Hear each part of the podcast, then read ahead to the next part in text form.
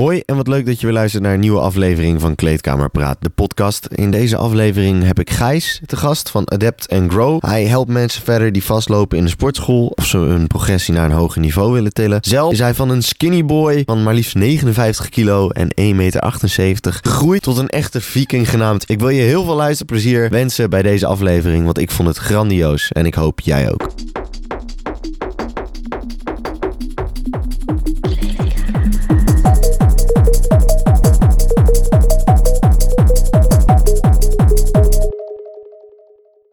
Dag beste luisteraars eh, van Kleedkamerpraat podcast. Ik zit hier met een hele bijzondere gast. Vandaag gaan we het hebben over van alles en nog wat. Sport, uh, fitness natuurlijk. Uh, ik zit hier met iemand die een net die wedstrijd gaat doen. Wat ik heel interessant vind. iemand die mensen coacht. Iemand die heel veel verstand heeft van heel veel verschillende dingen. Ik zal je niet laten blozen, maar goed.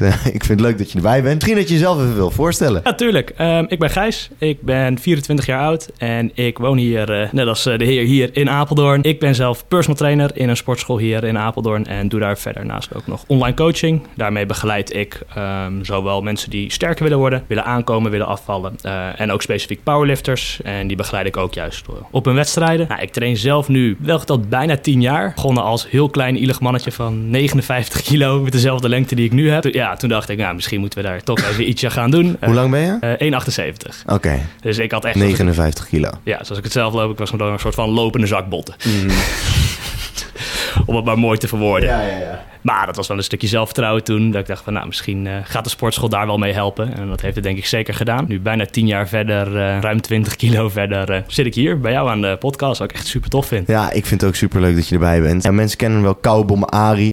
die had ik gecontact. En uh, Ari zei, bro, je moet Igor hebben. En toen dacht ik van, nou, als Koubom Ari het zegt... en ik hoorde veel al van uh, Ari over jou... dan heeft hij ook helemaal gelijk ook. dus ik heb gewoon heel veel zin om gewoon lekker te praten over, over van alles en nog wat. Waar ik eigenlijk mee wil beginnen is gewoon het begin vanuit jouw uh, sportcarrière. Want nee, je sport nu 10 jaar. Je zegt, nou ja, je begon als 59 kilo. Kleine jongen. 1,78 ben je. Ja. 1,78, een zak botten. Uh, dan duik je de sportschool in voor de eerste keer. Ongeveer 15. Mocht de basic fit eigenlijk nog niet in. Nee, nee. En dan ga je sporten en dan doe je maar wat. En op een gegeven moment denk je van, hé, hey, ik vind het toch interessant. Op welk moment dacht je van, ik heb er misschien wel een beetje aanleg voor? Of... Aanleg zou ik niet direct willen zeggen, maar het is wel echt dat ik vanaf dag 1 het heel tof vond. Ik uh, zat eerst op atletiek, dat vond ik ontzettend leuk. Ja, met mij ook nog. Ja, ja het is echt zo. Precies, precies. Um, ik kon daar eigenlijk niet zoveel, behalve sprinten. Daar was ik heel erg goed in. Uh, lange afstand lopen werd ik uh, vrij depressief van. Dat moest je bij mij maar liever niet doen.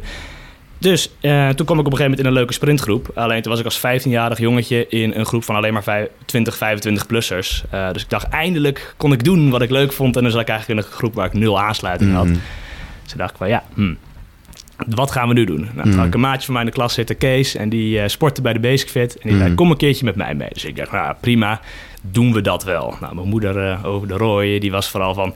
als je nu stopt met een sport, dan ga je nooit meer uh, fanatiek blijven sporten. Mm -hmm. uh, nou, she was wrong, I can ja, tell you ja. that. um, dus wij lopen die basic fit in, hier in Apeldoorn, Ambachtsveld, ook waar... Antarctica en de heilige, heilige graal onder de basics. Ja, zeker weten. Een van de beste, helemaal in die tijd. Um, nou, en ik kom daar binnen en ik weet nog precies wat ik gedaan heb. Je had er een soort van cirkeltje staan met alle beenapparaten. Waaronder de naar binnen, naar buitenkant van de benen. Ja, de leg extension. Voor, voor de liezen is dat toch? Onder andere. En de ja. buitenkant, uh, ja, nou, ja. dan had je dus de leg extension en de leg roll. En nou, ik vond dat al hartstikke tof. Dus ik begon direct met benen trainen. Dat is iets wat zeldzaam is tegenwoordig. Dus ik vond dat helemaal tof. En uh, ik een paar setjes met de een, een paar setjes met de andere. Geen idee wat ik aan doen was natuurlijk. En die maat van mij zegt, laten we nou even doorlopen. Dan hebben ze naar de dumbbells. Dan kunnen onze armen gaan trainen. En ik dacht, ja, maar ik vind dit eigenlijk ook wel leuk. Zullen we dat de volgende keer doen? Hij was, nee, nee, nee, nee, laten we die kant op gaan. Dus, nou, wij die mm -hmm. kant op. De grote enge kant met de spiegels, met de losse gewichten. En daar uh, ben ik toen ook aan de slag gegaan. Maar eigenlijk daar is mijn passie voor het trainen van benen al begonnen. Op dag 1. En heb je dat nog steeds, uh, vind je benen nog steeds leuker dan de rest? Ja, zeker weten. Ja? Ja, ik heb wel een hele tijd met een knieblessure gelopen. Um, okay. Het laatste jaar een beetje mee aangesukkeld. Um, waardoor het wel minder leuk werd. Maar nu dat dat er wel een stuk beter hersteld is, uh, kan ik daar zeker weer de lol van terugzien. Uh, en dan ben je nu ook bezig met online coaching. vertel, hoe zit dat in zijn werk? Want waar, waar, waar help jij precies bij? Ik train eigenlijk een vrij diverse doelgroep. Ik ben begonnen uh, met eigenlijk uh, vrij veel beginners te coachen. Mm. Uh, maar daarvoor heb ik gemerkt dat het online gebeuren vrij lastig is. Om echt een totale beginner die nog nooit een sportschool ingelopen is... ehm, te begeleiden door zo'n traject. Mhm. Uh, dat heeft vooral met uitvoeringen van hoeveel oefeningen te maken. Als je iemand een goede squat wil uitleggen in een uh, online setting, duurt dat vaak wel een maandje, ben ik eerlijk mee. In ieder geval wel een maand, want ja, ze filmen zichzelf, ze sturen dat naar jou, jij geeft er feedback op. Misschien is het pas weer een week later voordat ze Mhm. um, weer een keer squats uitvoeren. Dus Ja. dat duurt gewoon lang. Um, dus nu focus ik me vooral gewoon op uh, mensen die al enigszins iets ervaring hebben in de sportschool. Ja. Um, met een heel specifiek doel. En het grootste doelgroep die ik eigenlijk op dit moment heb lopen... zijn jongens die um, weinig ja, lichaamsgewicht hebben. Precies eigenlijk waar ik ook vandaan kwam. Heel Mhm. moeilijk aan kunnen komen. Vaak met het verhaal aankomen van... hé, hey, ik eet maar elke dag zoveel, maar ik kom niet aan. Ik sport wel. Uh, en dat vind ik gewoon een hele leuke doelgroep... om ook te helpen om juist aan te komen. Het is niet Mhm. het enige wat ik doe... maar dat is wel denk ik mijn uh, grootste en favoriete doelgroep... waar ik nu mee werk. En waarom vind je dat zo leuk? Omdat je het zelf ook hebt meegemaakt? Ja? Ja, zeker omdat ik ook mezelf erin herken. Ik herken de struggle ook van het vele moeten eten... en dan eigenlijk nog voor je idee niet aankomen of weinig aankomen. Mhm. Maar ook doordat ik daar zelf uh, aardig veel ervaring mee heb... en ondertussen nu ook al veel mensen heb begeleid... hebben we daar toch wel mooie manieren voor gevonden... om daar Mhm. nou, gelukkig toch mensen wel spier te laten bouwen. Ik heb hier wel eens een uh, jongen uh, gehad. En uh, ik weet, je kent hem misschien ook wel. Hij is een strongman uit Apeldoorn. Mhm. Karel Hartman. Ken je hem? Niet persoonlijk, weet wie het is. Ja, ja. Karel die zei... Um, Gideon, vroeger... Dan had ik gewoon een heel brood op elke dag. En dan kwam ik vanzelf wel aan. Is dat een geschikte manier? Of zou je zeggen... Ah, misschien toch even wat anders. Uh. Eén ding wat mij vooral opvalt aan mensen die zeggen ik wil aankomen uh, en die dan niet aankomen, die trainen vaak hard. Daar ligt het 9 van de 10 keer niet aan. Maar het probleem ligt eraan dat zij te clean willen denken. Uh, ze luisteren naar de bodybuilders, eet rijst, kip, broccoli, mm -hmm. eet brood met kipfilet bijvoorbeeld. En je ziet vaak gewoon dat soort dingen vullen je ontzettend erg. Ik had zelf op de middelbare had ik dan acht sneden boterhammen met kipfilet bij me. Iedereen keek me aan van wat stinkt dat. Mm -hmm. je zit dan die broodjes weg te verkanen, want eigenlijk vind je het helemaal niet lekker.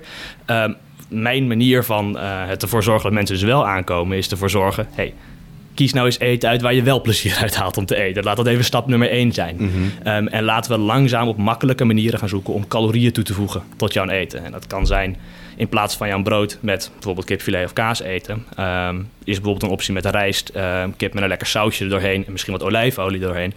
Nou, daar zitten veel meer calorieën in eet je veel makkelijker weg, is niet ja. zo droog. Um, dus ja, op die manier makkelijker extra calorieën toevoegen. Mm -hmm. Dus uh, zo'n brood uh, kan werken, maar is niet voor iedereen. Kijk, als je heel blij wordt van droog sneetje brood met kipfilet, dan Mm. doe het vooral. Dat, uh, het kan zeker werken, maar dat is vooral, het werkt op de individu.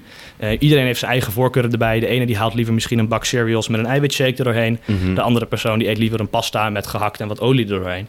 Um, ja, op die manier heeft ieder zijn eigen manier wat daarvoor werkt. En dat is het leuke om uit te zoeken met coaching. Dat iedereen is zo anders. Ja. En daar juist voor die persoon de manier vinden om toch naar zijn doelen te werken. Wat is de naam van, heb je een, wat is de naam van je coachingsbedrijf? Ja, zeker. Uh, de naam is je mag reclame maken. Oh, hè, gelukkig. De... Nou, Adapt and Grow Coaching bij Gijs. Um, ja, die naam ben ik eigenlijk ik had het idee van ik wil heel graag coach worden. Um, en ik had het concept een beetje opgezet. Dan ga je een beetje bestanden maken van waar mensen hun dingen mm -hmm. in kunnen vullen. Hoe ga je de processen doen.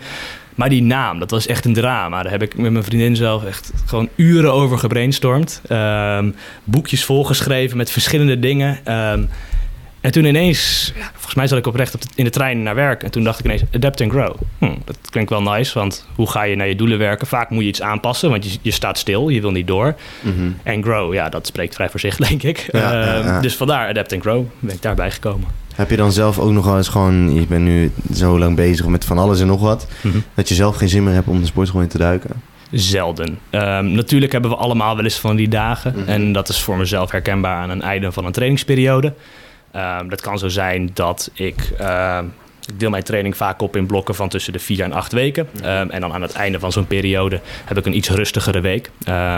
Het kan zijn vooral die week daarvoor dat je gewoon vermoeid bent. Je slaap misschien ietsje minder goed is omdat je gewoon meer stress hebt. Um, ja, dan kan het wel zo zijn dat je denkt van een uh, zware rugsessie of voor de benen. Dat je denkt van nou, vandaag liever eigenlijk niet. Maar ja, dan ga je gewoon. Ja, het zit zo in de routine. Dan Ja, kan je niet dat- zeggen dat je het over ja, gaat slaan. Ik heb er wel moeite mee, man. Ik ga dan soms wel, soms niet. Het zit dan wel weer in mijn routine, dan weer niet. Dan ga ik wel weer en dan ga ik dan weer niet. Maar waar komt het door? Discipline, denk ik. Een gebrek aan discipline. Gebrek aan discipline. Ja. Is het niet een stuk routine? Ja, maar voordat iets echt routine wordt, moet je het vaak doen. En het was in een periode was dat wel zo. En daarna, eh, dan slipt dat eruit, zeg maar. En om dat weer terug erin te krijgen, daarvoor heb je wel discipline nodig in mijn optiek. En ja, dat ontbreekt nu wel weer. Nu ben ik daar weer mee bezig. Maar ook dan merk ik van, hey, ik vind het wel lastig om toch weer elke keer die gym in te duiken. En ja, ik weet niet, er zit gewoon een soort blokkade. En het is toch wel lastig als je een podcast hebt over fitness. Ja, zeker. Bijvoorbeeld nu drink ik dan vier maanden niet. Of Hmm. eh, eh, ja, let ik meer op mijn voeding. eh, wat nog meer, ja, stop met roken, dat soort dingen. Eh, probeer ik daar op die manier toch mijn hacks in te vinden, zeg maar. Of het werkt, ik weet het niet, maar het zorgt wel voor een stukje meer focus. Ja, je zegt een stukje focus, maar komt dat dan omdat je geen specifiek doel hebt waar je de gym voor induikt? Want trainen om het trainen, dat is voor sommige mensen gewoon heel lastig. Ja, het, misschien is dat het wel, man. Ja, ik Want je had natuurlijk een tijdje van eh, de 100 bench, Ja, eh, wat ja, heel erg een ja, doel was. Motiveerde jou dat extra om elke keer de gym in te lopen? Nou, weet ik ook niet echt. Ik dacht meer dat gewoon... Ik, ik wilde gewoon dat, een, dat mijn lichaam er wat fitter en beter uitzag. En ik merkte eigenlijk vooral dat op het moment dat ik ehm, single was... dat ik veel meer de uitdaging had om eh, de gym in te gaan. En nu ik een vriendin heb, is dat er veel minder. En dat is eigenlijk super zwak. Maar ja, het is wel zo. Het cliché is echt. Herken je het? Eh, ik zie dat ook vaak terugkomen bij mensen die je coacht. Of, Je, moet wel toegeven dat ik het vaker eh, hoor. Ja, dat als jongens bij me komen, of meiden, dat ook. Mhm. ehm, dat de relatie uit is en dat ze dan meer eh, ja, aan zichzelf willen investeren. Ik denk dat dat het meer is. Het is niet per se, denk ik, dat het single is. Dat ze ook misschien tijd over hebben en denken van... hé, hey, ik heb heel lang geïnvesteerd in iemand anders. Mhm. En nu ga ik echt even de tijd besteden om eh, zelf beter te worden. mhm. Hoeveel mensen heb jij lopen bij jou Voor mijn on- online coaching Ja, of voor mijn ja. PT? voor je online coaching? Online coaching heb ik nu rond de 13 mensen lopen. ehm, die daar verschillende dingen voor doen eigenlijk. En voor mijn eh, in-person PT heb ik zo'n 20 mensen die ik eh, wekelijks training geef. En dan heb je natuurlijk nog een groepje mensen die je eens in de zoveel tijd eventjes voor Mhm. een check-in hebt. En dat doe je dan bij Move ook? eh? Ja, het, het in-person personal training doe ik allemaal bij Move. Mhm. En het online gedeelte, ja, dat doe ik gewoon vanuit huis. Maar Ja. als er mensen zijn die vragen hebben of een keer echt een sessie nodig hebben om de techniek beter te krijgen, kunnen we dat ook gewoon lekker in de Mhm. sportschool doen. Daar heb ik gelukkig de vrijheid ook voor. Interessant wel, online coaching. Ja. Om dat op te kunnen zetten. Ja, het is natuurlijk wel gewoon een brede markt. Er zijn Ja. al heel veel mensen die het aanbieden. Mhm. Eh, en ze zeggen altijd wel, wat maakt jou nou uniek? Eh, wat is het anders aan jouw coaching? Nou, dat vind ik altijd een hele moeilijke vraag. Want ja, in de, ja, in de kern van het verhaal doet iedereen eigenlijk hetzelfde natuurlijk. Eh, ik ben ook heel erg van het motto, er zijn duizend wegen naar Rome. Ehm, en er is zeker niet één manier die per se het beste is. Mhm. is misschien het slechtste verkooppraatje ooit wat je op deze podcast gaat horen. Ehm, voor mij is het vooral denk ik gewoon heel belangrijk dat ik uitprobeer te stralen. Dat ik denk, we gaan gewoon kijken naar wat jij wil. Mhm. Ehm, en hoe jij daar kan gaan komen. En de ene persoon houdt ervan om op een bepaalde manier te trainen.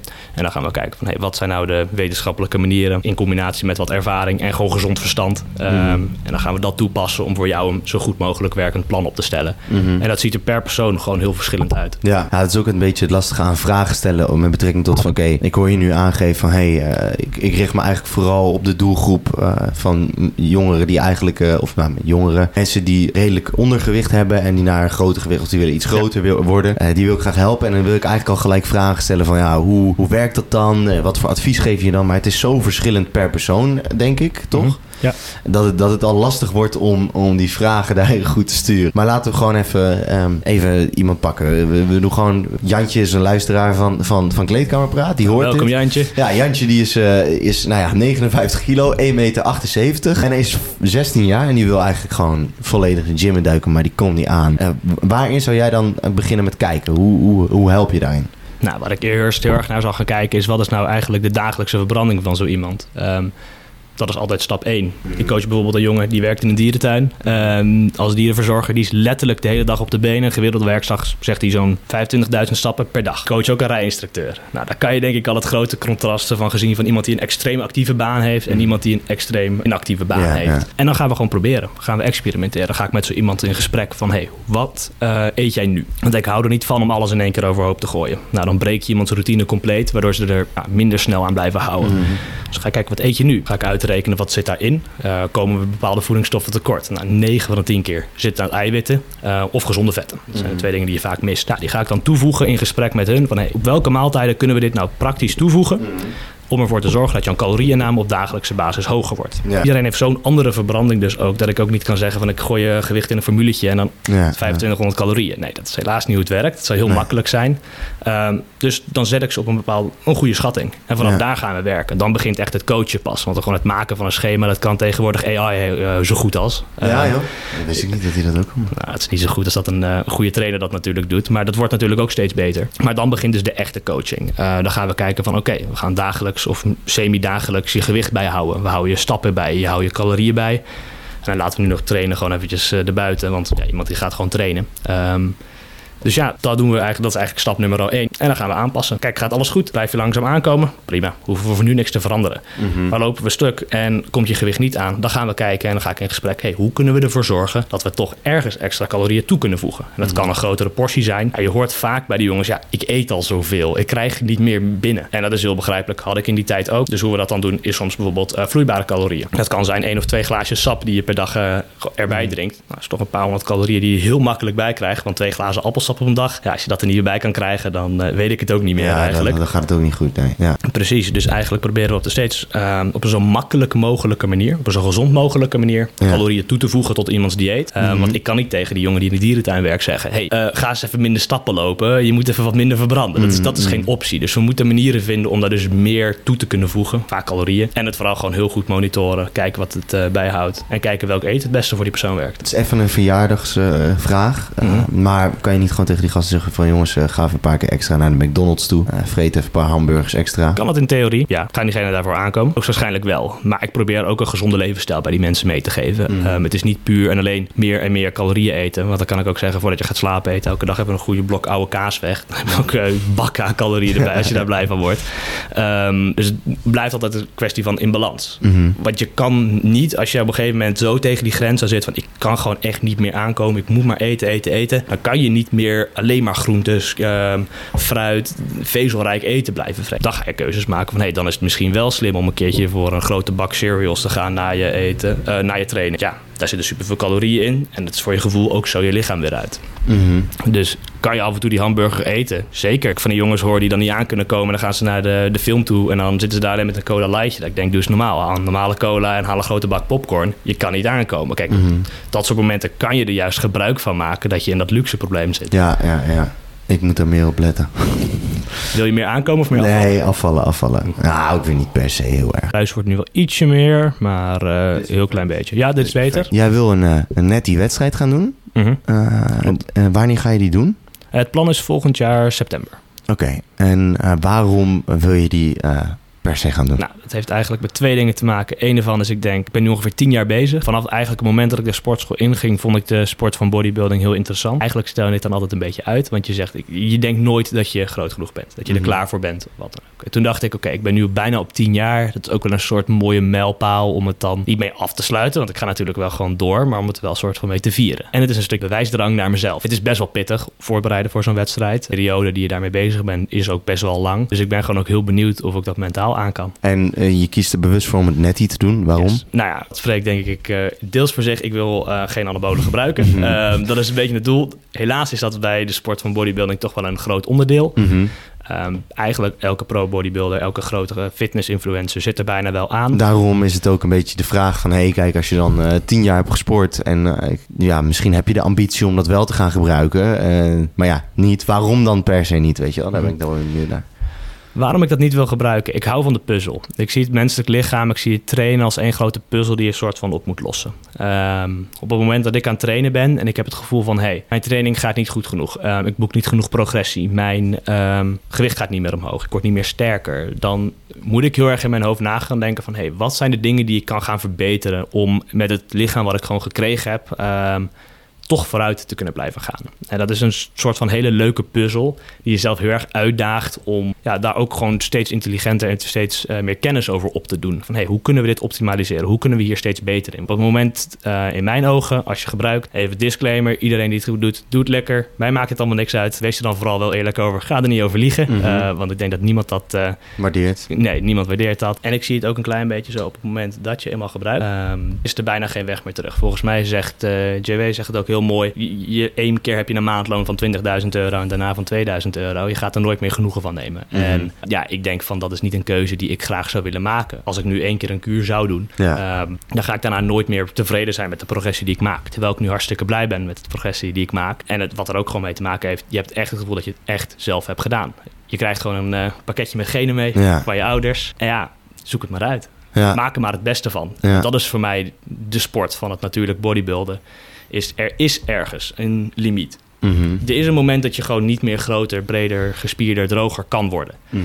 En er is maar één manier om daarachter te komen. En dat is door te doen. En door gewoon alles eraan te doen en lang die tijd ook eraan te besteden om dus uiteindelijk daar naartoe te komen. En gaat het over vijf jaar zijn? Ik denk het niet. Ik denk dat ik tot mijn 45ste zeker progressie kan blijven boeken. En dat kan zo zijn dat ik in de laatste vijf jaar misschien één kilo spier win. Dat is ontzettend langzaam, maar dat kan toch wel het verschil gaan maken. En eh, dat heb je dan toch wel echt zelf. Bro, je bent echt helemaal obsessed met, eh, met dit. Zeker. Echt. Ik vind het een erg mooie sport. Ja, maar voor mij vind je het menselijk lichaam ook gewoon super interessant. Ben je daar gewoon echt fucking erg mee bezig.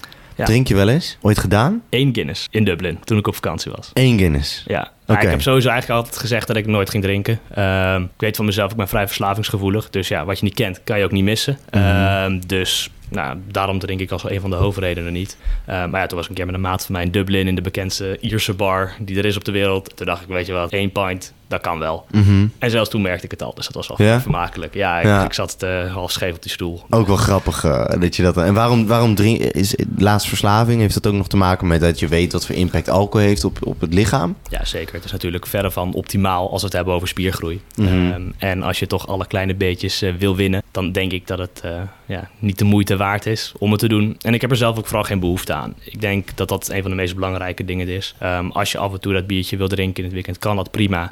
Mhm. Maar ja, wordt dat bijna dagelijks of zuip je jezelf helemaal eh, de pleuris in in het weekend? Ja, dat gaat gewoon eh, belemmerend werken als het om spiergroei gaat. Mhm. Want wat, waarom... eh, Ik heb dit natuurlijk al duizend keer gevraagd aan mensen... maar ik ben het ook oprecht gewoon weer vergeten. Dus het is, het- voor mij voelt het soms ook een beetje als een herhaalpodcast. Mhm. Maar ik vind het gewoon fucking... Ik ben dan weer helemaal invested. Waarom per se... Wat zit er in alcohol dat zo slecht is voor je spieren? Op het moment dat alcohol in jouw lichaam komt, dan moet ik even een disclaimer geven. Dit is ik ben hier niet speciaal gespecialiseerd in wat alcohol in je lichaam doet. Ehm, maar alcohol is een toxin. Wat betekent dat het gewoon een vergif is in je lichaam. Ehm, en wat doen jouw lever en jouw nieren? Die zorgen ervoor dat vergif uit jouw bloed gaat. Mhm. Ehm, nou, wat je lever ook doet, is eh, die speelt een belangrijke rol in eiwitsynthese. Wat betekent dat eiwitten opgenomen worden en uiteindelijk door vanuit je eten naar je spieren gaan. Heel Mhm. kort door de bocht eigenlijk. Op het moment dat er dus alcohol in jouw systeem zit, denkt jouw lichaam: hey, dit heeft niet echt de hoogste prioriteit om die grotere biceps te gaan krijgen. Volgens mij word ik vergiftigd. Waardoor die dus eigenlijk bezig gaat met het eh, uitstoten van ehm, de alcohol. En dan zal het eiwitsynthese dus eh, wat het op zich laten wachten en wat minder optimaal werken. Oké. En dat is dus natuurlijk verschillend of je één biertje drinkt of dat je een heel krat eh, achterover tikt. Mhm. Moet je daar een kratje per week? Dan al helemaal. Ja, ja, ja. Ik, al, ik, ik heb dat gewoon gedaan hoor, een periode. Dus dat ik gewoon echt aan het eh zuipen was van hier tot Tokio. En hoe ging het toen met de sportschoolprogressie? Ja, dat, gaat, dat verdwijnt gewoon in één keer. De- al, alles waarvoor je dan hebt gewerkt, dat verdwijnt gewoon. Mhm, Als sneeuw voor de zon. Precies. Binnen twee maanden kan je, dan weer, kan je dan weer eigenlijk opnieuw beginnen, voor mijn gevoel. Dat is echt ook iets waar ik dan nu ook tegenaan loop. Is gewoon, ik, ik heb bewust de keuze gemaakt om niet meer te drinken. Ook gewoon om echt om mijn focus op alles, eh, alles, op alles te zetten. Zodat ik niet een soort reset pak in het weekend. Mhm. Maar ook weer, ik werk, qua, qua kracht ben ik achteruit gegaan. Ik weet niet eens of ik een barkie nog kan benchen, eh bij wijze van spreken. Qua gewicht ben ik in de lucht gegaan, maar eh, qua spieren alleen maar naar beneden, geloof ik. Dus dat is wel frustrerend. En dan denk ik ook van, jemig. Wel kut dat het eigenlijk zo maatschappelijk zo geaccepteerd is... dat het allemaal maar goed is als we zelf helemaal de tering in zuipen in het weekend. En eh, dan kan je beter een pilletje doen. Maar goed, even... Ja. even Je hebt het misschien vaker gehoord, maar ik zeg altijd: als alcohol vandaag uitgevonden zou worden, dan zou het absoluut niet legaal Mhm. zijn. Eh, en het zit gewoon zo in de maatschappij gebakken, omdat het natuurlijk al duizenden en duizenden jaren sociaal geaccepteerd is om het te drinken. En dat is waarom het heel normaal is. En dat is niet omdat het goed voor je is, eh, of dat het in ieder geval neutraal voor je is. Het is gewoon slecht voor je. Mhm. Als jij ehm, naar die wedstrijd toewerkt, dus je wil hem volgend jaar september wil je hem gaan doen. Ja. Eh, ben je dan nu al bezig met bepaalde adjustments maken in je, in je trainingsschema of eh, qua voeding? Nou, ik ben in, ehm, ter voorbereiding van die wedstrijd ben ik nu drie weken geleden begonnen bij een coach. ehm Revive Stronger. Shout-out naar Steve. Sowieso. Top, topcoach tot Ja. nu toe. Ja. Nou, pas drie weken bezig daarmee. De reden waarom ik eigenlijk een jaar van tevoren ben begonnen, wat best wel lang is, is zodat hij mij ook goed kan leren kennen. Ehm, nou, zoals ik net ook al zei, elk lichaam werkt weer net wat anders. Ehm, en je hebt daar gewoon heel erg ehm, ja, de kennis van nodig van hoe werkt iemand nou goed en hoe kan hij mij ook goed coachen. Want nu ben ik heel rustig aan het afvallen. Nou, dat gaat allemaal nog helemaal prima. Maar als ik straks helemaal aan het einde van mijn wedstrijdprep zit, zal het mentaal best wel zwaar voor mij kunnen zijn. Mhm. En is het heel goed dat hij ook weet hoe ik functioneer als ik me nog top voel. Mhm. Zodat hij daar ook gewoon rekening mee kan houden. En ja, als we een jaar van tevoren beginnen, dan heb je ook gewoon ruim de tijd om daar naartoe te werken. Mhm. Hoe we dat nu doen is, we gaan ongeveer tot midden november eh, afvallen. Om een eh, bepaalde hoeveelheid vetpercentage in ieder geval te, verge- eh, te verlagen. Mhm. Dan een periode van zo'n drie à vier maanden uit mijn hoofd rustig aankomen. Om weer twee, drie kilootjes erbij te krijgen. Misschien nog een klein beetje spier winnen. Maar dat is ook vooral om weer te herstellen van het afvallen. Want het is gewoon vermoeiend voor je lichaam. En uit mijn hoofd starten we dan rond maart ongeveer met uh, de contest prep. En dat zal ongeveer tot uh, begin september duren. Dus dat is best een periode. Ja, zeker. En je zegt net, daar goede coach. Wat maakt iemand nou een goede coach? Um, combinatie van uh, kennis, goed luisteren, um, goede vragen stellen. Ik denk dat dat heel belangrijk is. En gewoon niet goed stok achter de deur. Mm -hmm. Je hebt het niet eens per se nodig. Ik heb mezelf negen jaar lang mezelf gecoacht eigenlijk. Uh, altijd zelf alles uitgezocht. Maar het is toch wel fijn om die verantwoordelijkheid te hebben naar iemand. Bijvoorbeeld met het bijhouden van je eten. Dan denk je wel van ja, ik heb het ongeveer wel gehaald vandaag. Mm -hmm. Volgens mij zit ik wel op het x aantal calorieën. Maar ja, nu verwacht hij toch dat je het in een spreadsheet zet. Zodat hij het ook kan beoordelen. Waardoor je toch ook even die laatste maaltijd er goed in zet. Mm -hmm, uh, mm -hmm. Dat soms heel kinderachtig, maar uh, dat is wel hoe het werkt. En dan, uh, kijk, je gaat natuurlijk compleet onvo onvoorbereid deze uitzending in. Dus ik vind het sowieso compleet, fucking geweldig ja. dat, je, dat je er komt zitten. Um, maar even, jij coacht ook zelf mensen. Uh, je, je gaat zelf ook veel naar de sportschool. Uh, nu, je sport bij Limited, uh, even voor de duidelijkheid. Je hebt een ijzerparadijs uh, in, in, in, ja... Hoe, hoe, hoe zou jij Limited omschrijven eigenlijk? Um, het is de sportschool in Apeldoorn waar het hardst getraind wordt. Ja. Dat sowieso. Ze hebben geweldig materiaal. Uh, het is allemaal ook gefocust op mensen die vooral voor bodybuilding willen trainen. Maar dat is zeker niet het enige volk wat er rondloopt. En dat is juist ook wel het leuke. Um, maar er is één ding wel gemeen met iedereen die daar loopt. En dat, die willen hard trainen. Mm -hmm. Um, ik trainde daarvoor eigenlijk altijd bij de Basic Fit. En daar had ik gewoon op een gegeven moment de irritaties tot hier zitten... van mensen die Clash of Clans zitten te spelen... terwijl ze aan het bankdrukken zijn en dat soort onzin. Dat ik denk van ja, hier pas ik gewoon niet meer tussen. En toen ben ik weer uh, naar Limited toe gegaan. Mm -hmm. Ja, het is gewoon top sportschool. Dus dat is het verschil inderdaad. Ja. Uh, dus in al die tijd dat je naar de sportschool gaat, zie je, zie je heel veel dingen. Zijn er bepaalde dingen die jij uh, in jouw tien jaar sporten hebt gezien, opgemerkt... waarvan je denkt van ja, jongens, uh, dit wil ik nou echt even meegeven. Doe dit anders. Pak dit op een andere manier aan. Dit is... ik snap niet dat iedereen hier zo over denkt. Ik heb het zo geleerd. ik weet dat het niet klopt en iedereen denkt dat het wel klopt. Heb je daar iets dat je denkt van, nou... Ik denk dat dat twee dingen zijn. Nou, uh, dat vind ik top. ja, dat ja, vind ik top. Okay, natuurlijk, die okay. dingen zitten diep in je hart. Ja, ja, dat zijn frustraties die je s'avonds aan je knagen. Nee, ik denk dat nummer één ding is dat de uitvoering van oefeningen... Um, dat daar zoveel op te winnen valt. Uh, mensen die hebben het altijd over hard trainen. En ik zeg altijd, hardtraining is de basis. Dat lijkt me logisch. Je gaat geen spier bouwen door dit met een 1 kilo dumbbell te doen mm -hmm. voor een periode.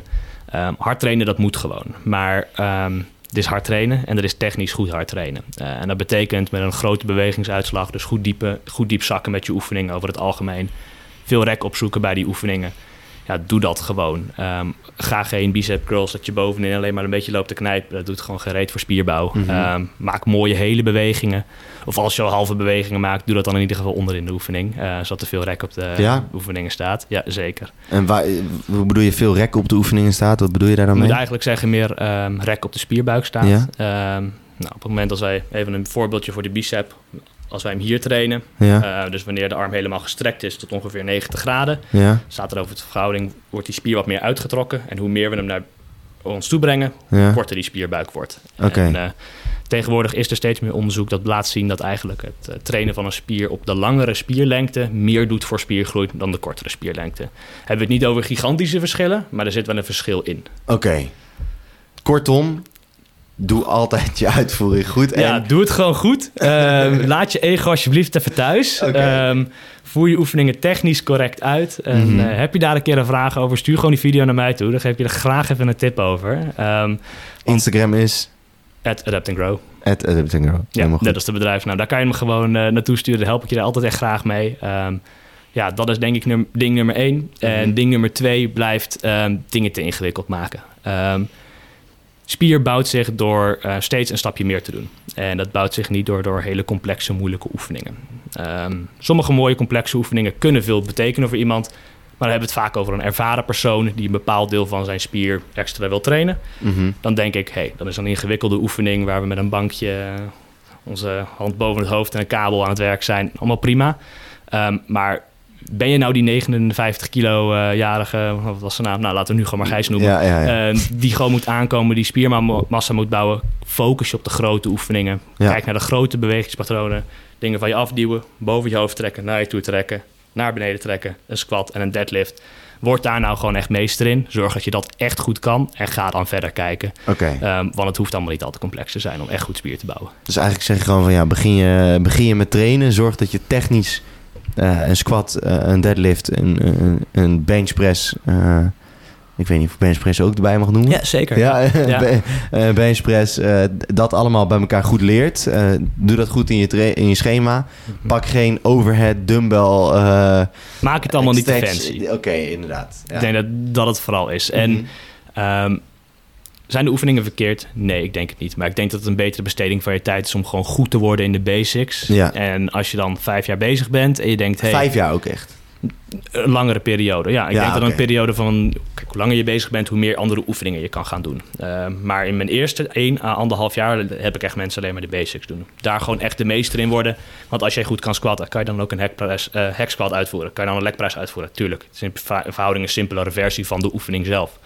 Dus als je de basis grote oefeningen kan, dan kan je de rest uiteindelijk ook. Dus jij zou eigenlijk tegen mij zeggen van Gideon, skip die leg press. Ga gewoon eerst even eh, squatten. En pak het dan gewoon goed aan. En doe met weinig gewicht goed squatten. Mhm. Dat is eigenlijk wat je...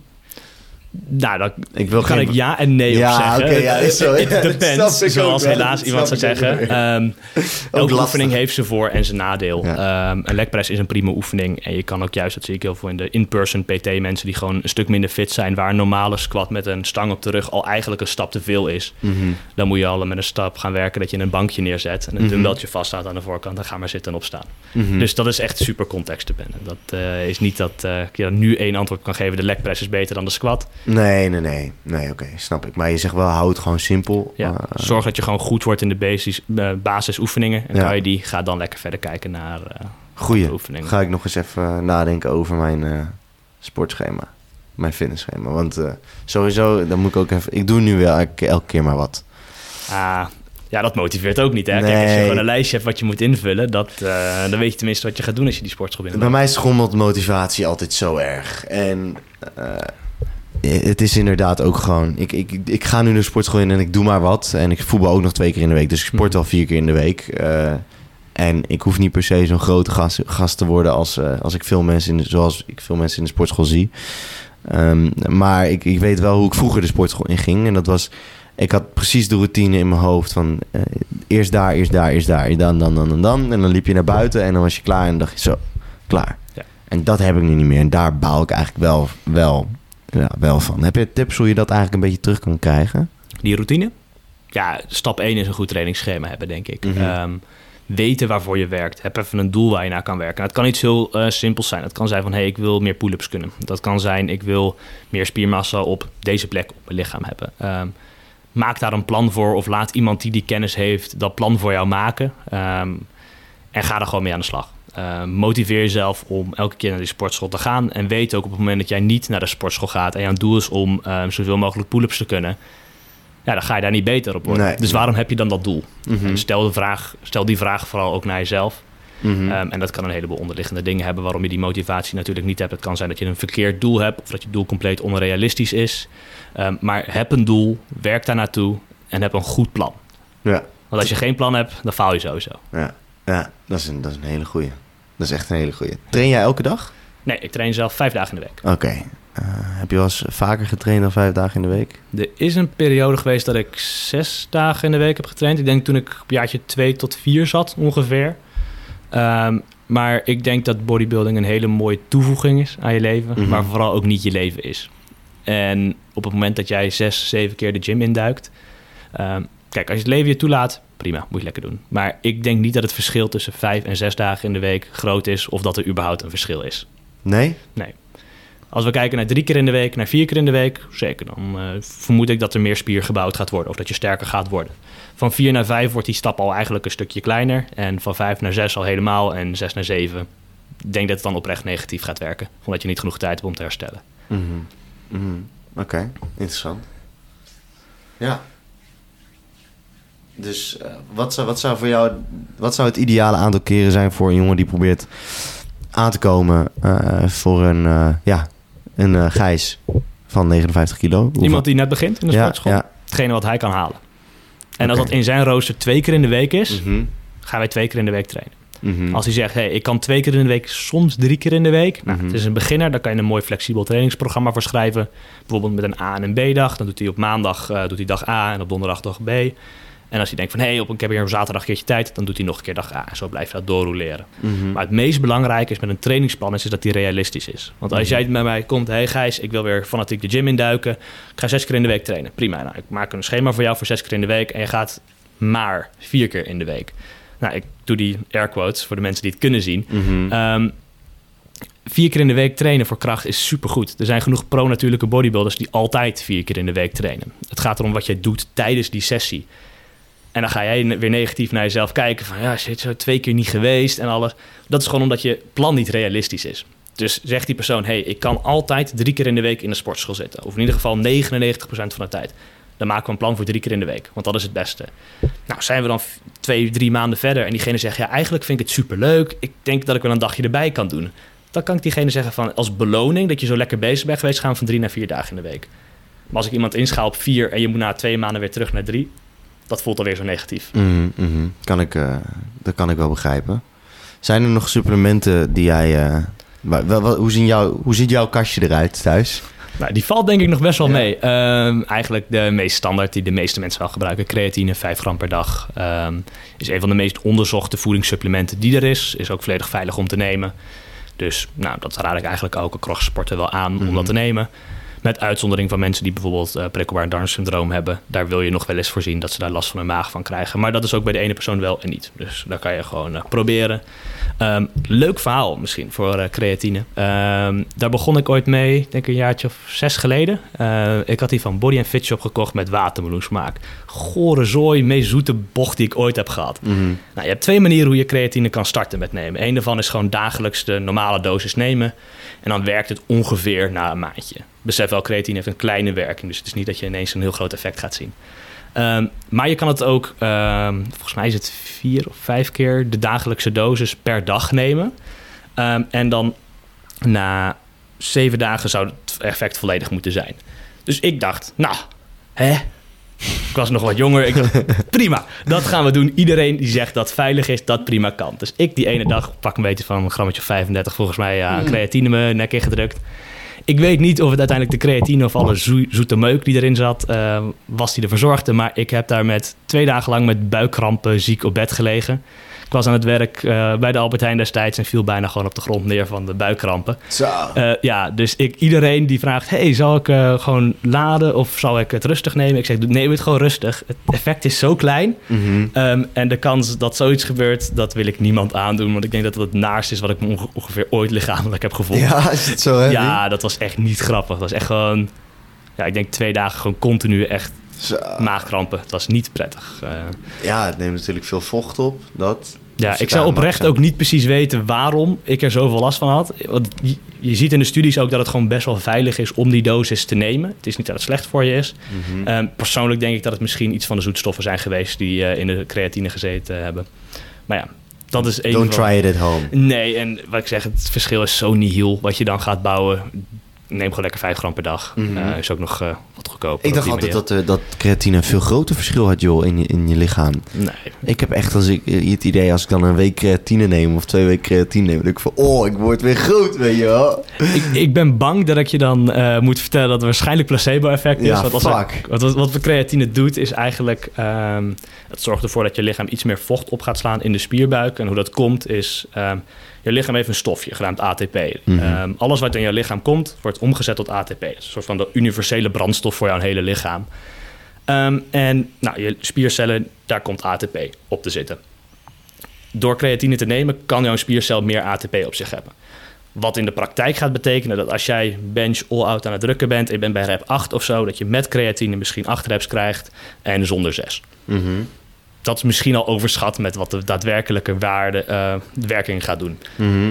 Ehm, je slaat dus wel iets meer vocht op in de spieren, waardoor je ietsje breder lijkt. Maar dat is allemaal, ik blijf maar zeggen, ietsje, ietsje, ietsje. Want het zijn de kleine effecten die creatine hebben. Oké. Ehm, Fuck man. ja, helaas is het geen Ja. natuurlijke anabol die je kan nemen. Daar gaat mijn, eh, En ashwagandha dan? Is dat een beetje natuurlijk anabol?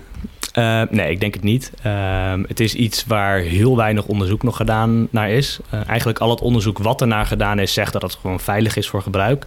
Maar uit mijn hoofd is de langste studie acht weken die erop gedaan is. Dus dat is echt een hele korte periode. Uh, wel zie je dat het cortisolverlagend werkt, dus waardoor je wat minder stress hebt. Ja, en minder stress is wel goed voor een mens en zou ook voor een verhoogde testosteron kunnen zorgen. Waardoor je op lange termijn iets meer spier bouwt. Uh, ik heb het zelf voor een maandje of negen gebruikt, denk ik. Um, ben er nu zo'n half jaar eigenlijk mee gestopt, um, omdat ik een van de effecten merkte die wel veel mensen aangeven. Van dat het uh, niet alleen je stress, uh, stressgevoel wegneemt, maar je gevoel wegneemt. Ik vond het eerst een beetje onzin. Ik hoorde dat een beetje om me heen. En toen ben ik eens op gaan letten. Toen ik op een verjaardag was. Normaal ga ik altijd een beetje met praatjes maken met mensen. Uh, het gezellig hebben. En toen dacht ik, ja, ik zit hier eigenlijk op deze bank wel prima. En al die mensen om me heen boeien me helemaal niks. Terwijl mm -hmm. ik normaal juist het leuk vind om met al die mensen te gaan praten. Dus ik van, hmm, zou dat daardoor kunnen komen? En toen dacht ik van, weet je wat, ik stop er gewoon even een tijdje mee. Nou, en toen kwam het dus wel op verjaardagen, op feesten, op dat soort dingen, dat ik wel wat meer wat ex, uh, extroverter werd. En toen mm -hmm. dacht ik, ja, is dit het me waard? En ik denk het niet. Je hebt de puzzels, je had, je had een puzzelstukje gevonden eigenlijk. Ik had in dat opzicht voor mezelf weer een puzzelstukje gevonden. Ja. En onder ik dacht van, hé, hey, het, het, werkt. Het, het gaf me wel oprecht minder stress. Dat mm is wel uh, een werking die ik gemerkt heb. Maar ik vond dat het dit niet waard. Dat nihile effect wat het gaat hebben. Heb jij uh, uh, tips om testosteronproductie een beetje te verhogen bij mannen? Ja, zeker. Um, ik ben eigenlijk heel benieuwd. Ik weet niet van mezelf hoe dat zit hoor. Maar um, ik merkte dus uh, in de periode dat ik rookte en, en dus dronk... Mm-hmm. dat ik ook een minder uh, een verlaagd libido had. En uh, toen dacht ik, hé, hey, hoe kan dat, weet je wel? En nou, hoe kan dat? Logisch, roken, drinken, het verlaagt. Het is allebei niet heel goed. En toen stopte ik met roken. En ik merkte eigenlijk al in week één zo'n ontzettend verschil. Dat ik dacht van zo, hoe kan je, kan je, dan kan je dat alleen maar zien door bloedonderzoek? Ja. Ja, dat is wel de beste manier om het uh, te laten onderzoeken door gewoon een goede uh, bloedtest te laten doen. Mm-hmm. Um, om te kijken of je daar in een, uh, op, gezonde, op een gezond niveau zit mm-hmm. eigenlijk. Um, nou, je vroeg om wat tips om ja, testosteron ja, te ja. verbeteren. Um, ik moet zeggen dat ik niet exact de verhouding tussen alcoholgebruik, roken en testosteron weet. Nee, maar, maar als ik over... logisch nadenk, denk ik wel op het moment dat wij roken, dan moet ons lichaam, uh, onze longen daarvan herstellen. En dat is een stressor voor ons lichaam. En ik zei het net ook al, stress, uh, ja, dat is een verhoogd cortisolgehalte, wat je stresshormoon is. En dat verlaagt gewoon je testosteron.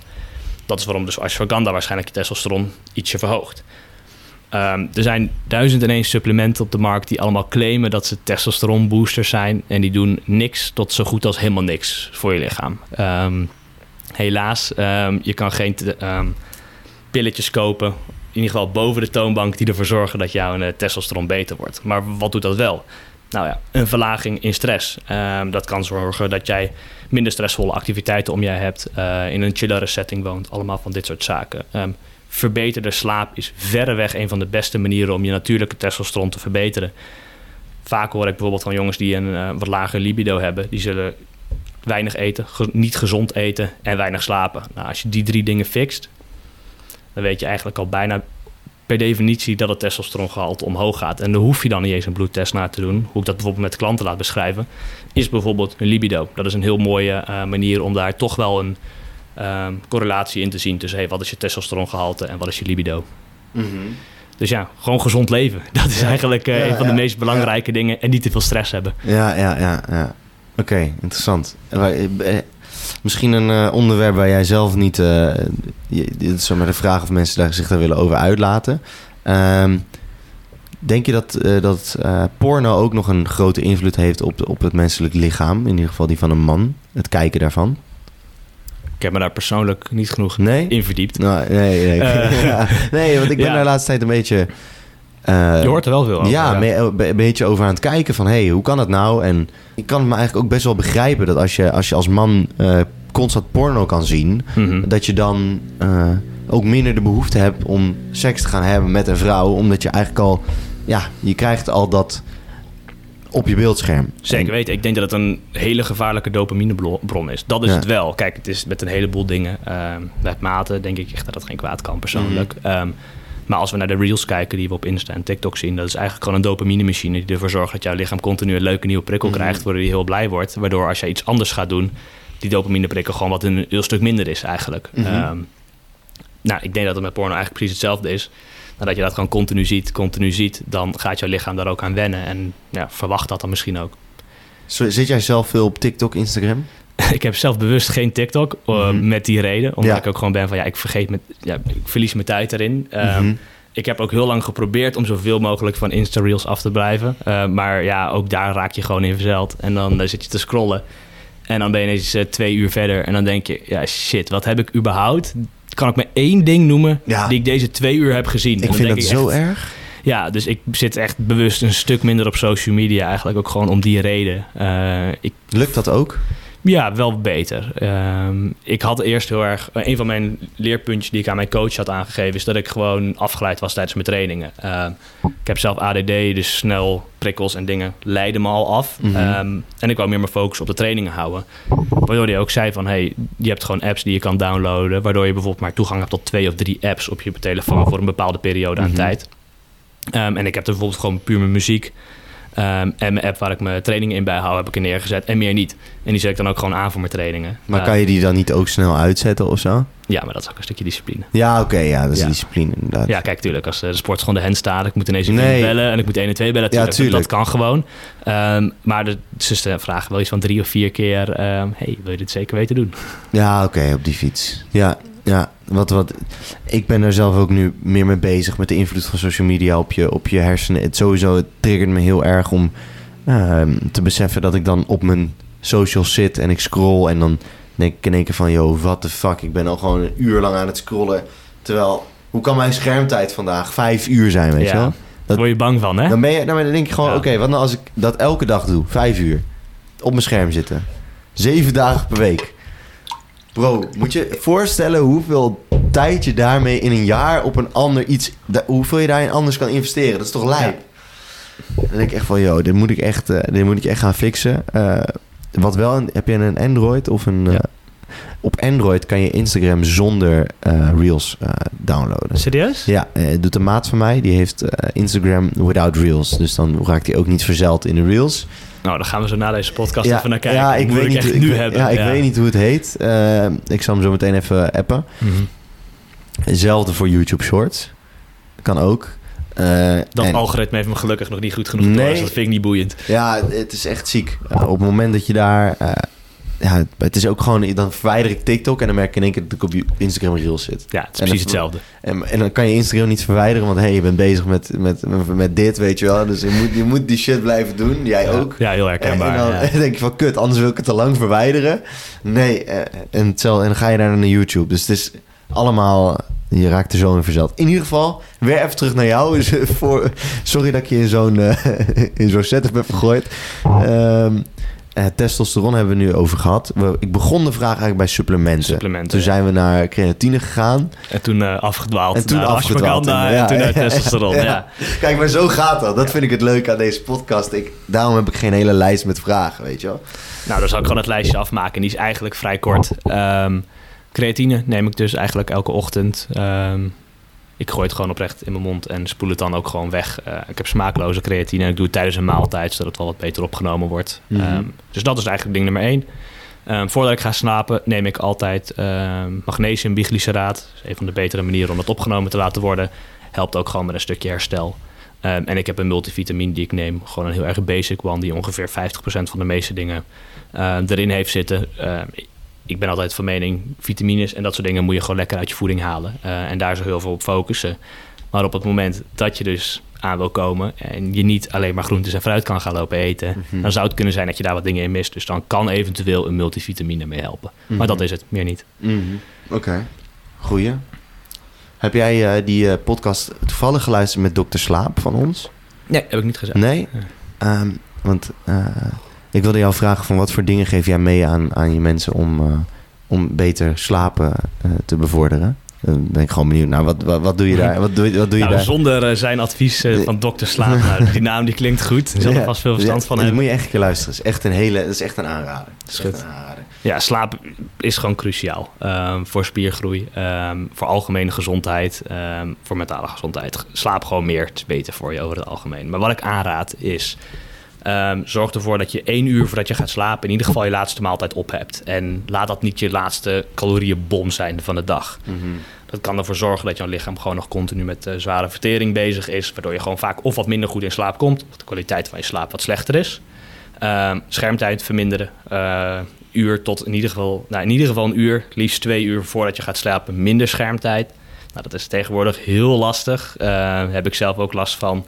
En dat zie ik ook gewoon bij mijn klanten dat dat ontzettend lastig is om dat te doen. Maar daar heb je blue light blockers voor, van die mooie oranje zonnebrillen. Mm die kunnen daar oprecht wel mee helpen. Dus dat is denk ik wel een goede uh, investering die iemand kan maken als die echt zijn slaap wil optimaliseren. Ja, hij zei, die, die guy, zelfs JW zegt inderdaad ook blue light blockers. En mm. dat schijnt ook heel... Maar die, die gozer is dus echt een slaapwetenschapper. Mm. En hij zei echt van... Uh, ja, eigenlijk is dat een beetje onzin. Maar de reden weet ik ook niet meer hoor. Dus dat zou ik echt een keer moeten terug. Ik heb het toevallig hier met mijn check-in met mijn coach over gehad vorige week. Um, en die heeft ook een slaapexpert daarover gesproken. En die zei, het klopt, een heel groot deel van de glazen zijn compleet bullshit. Als je bijvoorbeeld op bol.com gaat kijken naar blue light blockers. Hij zegt op het moment dat die glazen überhaupt niet oranje zijn, kan je ze het beste gewoon direct weggooien. Um, want dat oranje filtert dus dat blauwe licht eruit. Hij zegt ook, kijk altijd naar of ze third-party tested zijn. Dus dat ze niet zelf zeggen van, kijk hoe geweldig onze bril is. Mm -hmm. Nee, kijk naar een merk die kan zeggen van, hey, een extern bureau heeft deze getest. Dat het echt een x aantal procent van het mm -hmm. blauwe licht filtert. Um, en ik denk wel dat dat uh, een toevoeging heeft. Ik heb ze ook net, dus... Um, Merk ik een groot verschil? Nee, maar dat is met een heleboel van die dingen zo. Ja, ja hij, zei ook, hij zei ook dat het iets te maken had met, uh, met lux. Uh, overdag, uh, mm -hmm. als, je, als je buiten bent, dan krijg je een x aantal... ja, de helderheid van licht, dat, dat komt binnen op een bepaalde manier in je ogen. Ja. dat is buiten, weet ik veel, iets van 6000 of zo. En vanaf je telefoon is maar één. Toen zei hij van, ja, eigenlijk is dat verschil zo weinig... dat je wel zo'n ding, zo'n bril op kan doen. Mm -hmm. Maar of het nou echt zin heeft, dat weet hij niet. Hij zei, in ieder geval moet je sowieso je kamer donker maken. Ja, dat, nee. Dat sowieso. Ja, en ik denk ook dat een van de dingen die met slaap, uh, die ik qua tips geef, is juist niet voor het slapen, maar als je wakker wordt. Um, op het moment dat je wakker wordt, uh, wil je ervoor zorgen dat je eigenlijk juist snel uh, exposure krijgt voor daglicht. En dat kan zijn je ramen open doen. Uh, vaak raad ik ook aan om voor 12 uur s middags in ieder geval een goede half uur zon in je gezicht te hebben. Um, dat zorgt ervoor dat je ritme beter wordt. Ja. En daar kom ik terug op het, de belangrijkste tip qua slaap is ritme. Mm -hmm. Als jij de ene dag om 12 uur in bed ligt, dan om 9 uur, dan om 3 uur, dan ga je geen slaapritme opbouwen. Uh, op het moment dat jouw lichaam elke dag, of zo goed als elke dag op hetzelfde moment gaat slapen, dan gaat jouw lichaam beter dat melatonine aanmaken op het moment dat jij het nodig hebt. Uh, je lichaam is gewoon heel erg goed in dingen balans, uh, in, in balans houden. Ja, zorg er gewoon voor dat je elke dag ongeveer op hetzelfde moment gaat slapen. Dan ga je makkelijker in slaap komen, is je kwaliteit van je slaap beter. Ja, en zorg dat je gewoon die schermen zoveel mogelijk weghoudt. En ja, de tip die ik toch aan veel mensen geef, koop een leuk boek. Mm-hmm. Ga dat gewoon het half uur voordat je gaat slapen, lees dat boek. Um, hoe ouderwets het misschien ook klinkt, doe het niet op een e-reader, koop gewoon een papieren ding. Dat zorgt er echt voor dat je hersens gewoon uh, wat meer tot rust komen. En echt over het algemeen val je veel sneller in slaap. Mm-hmm. Heb je zelf ook een boek? Ja, zeker. Nog aanraders voor de luisteraars? Um, oh, nu weet ik de naam even niet meer. Het boek van Menno Henselman. Uh, oh ja, ja, ja. Waarschijnlijk wel een bekende naam in, uh, in de sportwereld. Ja, um, Scientific Ways to Habit Building, volgens mij heet hij. Hm, iets in die geest. Als je zijn naam boekt, uh, zoekt en dan op habit building, dan mm-hmm. kom je er wel op neer. Erg leuk boek, wel in Engels, maar het is leuk geschreven. Oké, okay, oké, okay, oké. Okay. Um, zijn er nog dingen die je zelf wil meegeven aan de luisteraar of wat dan ook? Ik denk dat er één belangrijk ding is wat ik mee wil geven. En dat is vooral kijk niet te veel naar social media om vergelijkingsmateriaal te zoeken naar jezelf. Kijk naar die foto's toen je net begon. Um, als ik mezelf nu ga vergelijken met hoe ik er nu uitzie en dan ga vergelijken met je gemiddelde fitness-influencer. Natuurlijk voel ik me dan klein, dan voel ik me vet, dan voel ik dat ik te weinig uh, spier heb, um, al die dingen. Maar zie, social media is één grote uh, vleeskeuring. De 99%, oh nee, ik moet het anders zeggen, de 1% knapste, breedste, beste mensen die er zijn, die zie je. Die 90% van die mensen die waarvan je denkt van... Hey, hebben een middelmatig fysiek, hebben wat minder goede genen, zitten misschien niet aan de zooi. Die, uh, die zie je niet, want dat lijkt minder. En helaas pakt het algoritme op hetgene wat mensen het meest populair vinden. Dus ik krijg vaak video's doorgestuurd van jongens van... hey, kijk deze gast van 21, zo gigantisch, volgespoten met weet ik wat allemaal maak misschien leuke content, maar dat creëert gewoon een ontzettend onrealistisch beeld naar wat er mogelijk is. En er is echt veel mogelijk als natuurlijke atleet. Mm-hmm. En ja, stap niet snel over naar die kant. Dat is mijn aanrader. Je kan zoveel meer dan je denkt. Is het moeilijker?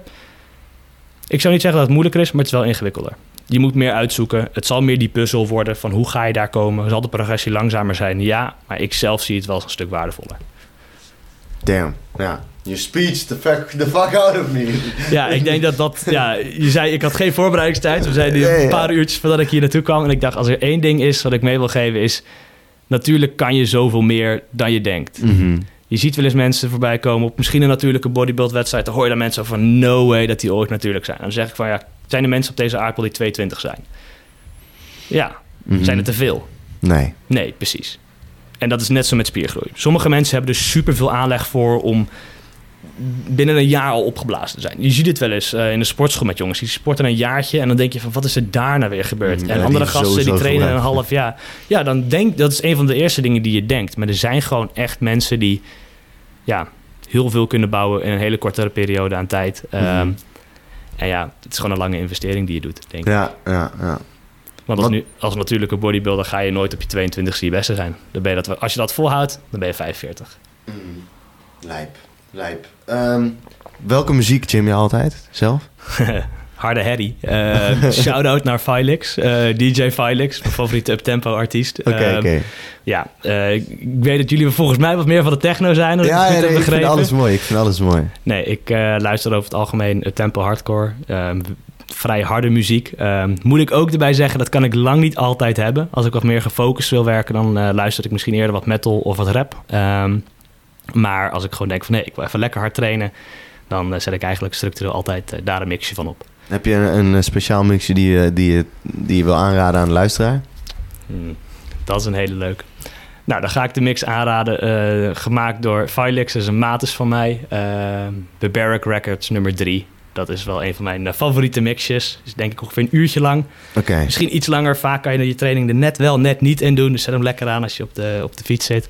Misschien denk je, die Gijs die heeft echt geen muzieksmaak nadat je dat luistert. Dat is een grote kans, maar eh, wie weet... Ik eh, heb hier mensen gehad die kwamen hier aan en die zeiden: Ik train op, weet ik veel, Ruben Annink. Ken je Ruben Annink? Oh, het is iets als Jan Smit en zo. Oh. Weet je wel? Ik train op Jan Smit. Nou, als zij er gelukkig van worden, iedereen heeft zo zijn ding, toch? Ik, ik vind het wel mooi. Ik vind het wel mooi. In ieder geval, eh, ik ga er een eind op brengen. eh, brengen. Eh, Brian, mag je ontzettend bedanken. Ik vond het een superleuke aflevering. En weet je wat ik heel leuk zou vinden als je nog een keer terugkomt en samen met Arie hier gewoon gaat zitten. En dat we gewoon met z'n drie gewoon even een lange tijd gewoon kunnen sparren over van alles en nog wat. dat klinkt als een superleuke Ja, als idee. ik één ik ben er zeker in voor. Ja, ja, helemaal geweldig. Dankjewel. Hoes. Jongens, we kunnen de aflevering natuurlijk niet afsluiten voordat er een gedetailleerde uitleg komt bij een grafkelder technoklapper. En deze keer heeft Emiel de Jong dat gedaan. Dat is een luisteraar. En hier is Emiel de Jong met zijn verhaal. Yo, titanen. Eh, bij deze wil ik even een keihard grafkelder nummer suggestie geven.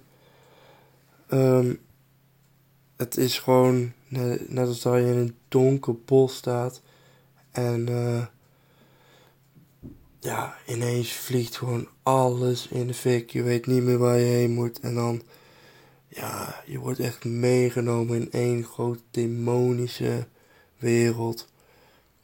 En het grafkeldernummer is van PSLS Front Row Warrior. Nou, je, ja, ik durf niet meer eh, zonder nachtlampje te gaan slapen, man. Het is echt duivels. Ciao. Ik vond hem grandioos. Wil jij nou ook graag dat jouw grafkelder techno nummer in de podcast komt? Dat kan. Stuur hem even op in de DM met je voice audio erbij. Dan edit ik hem erin. Hoes!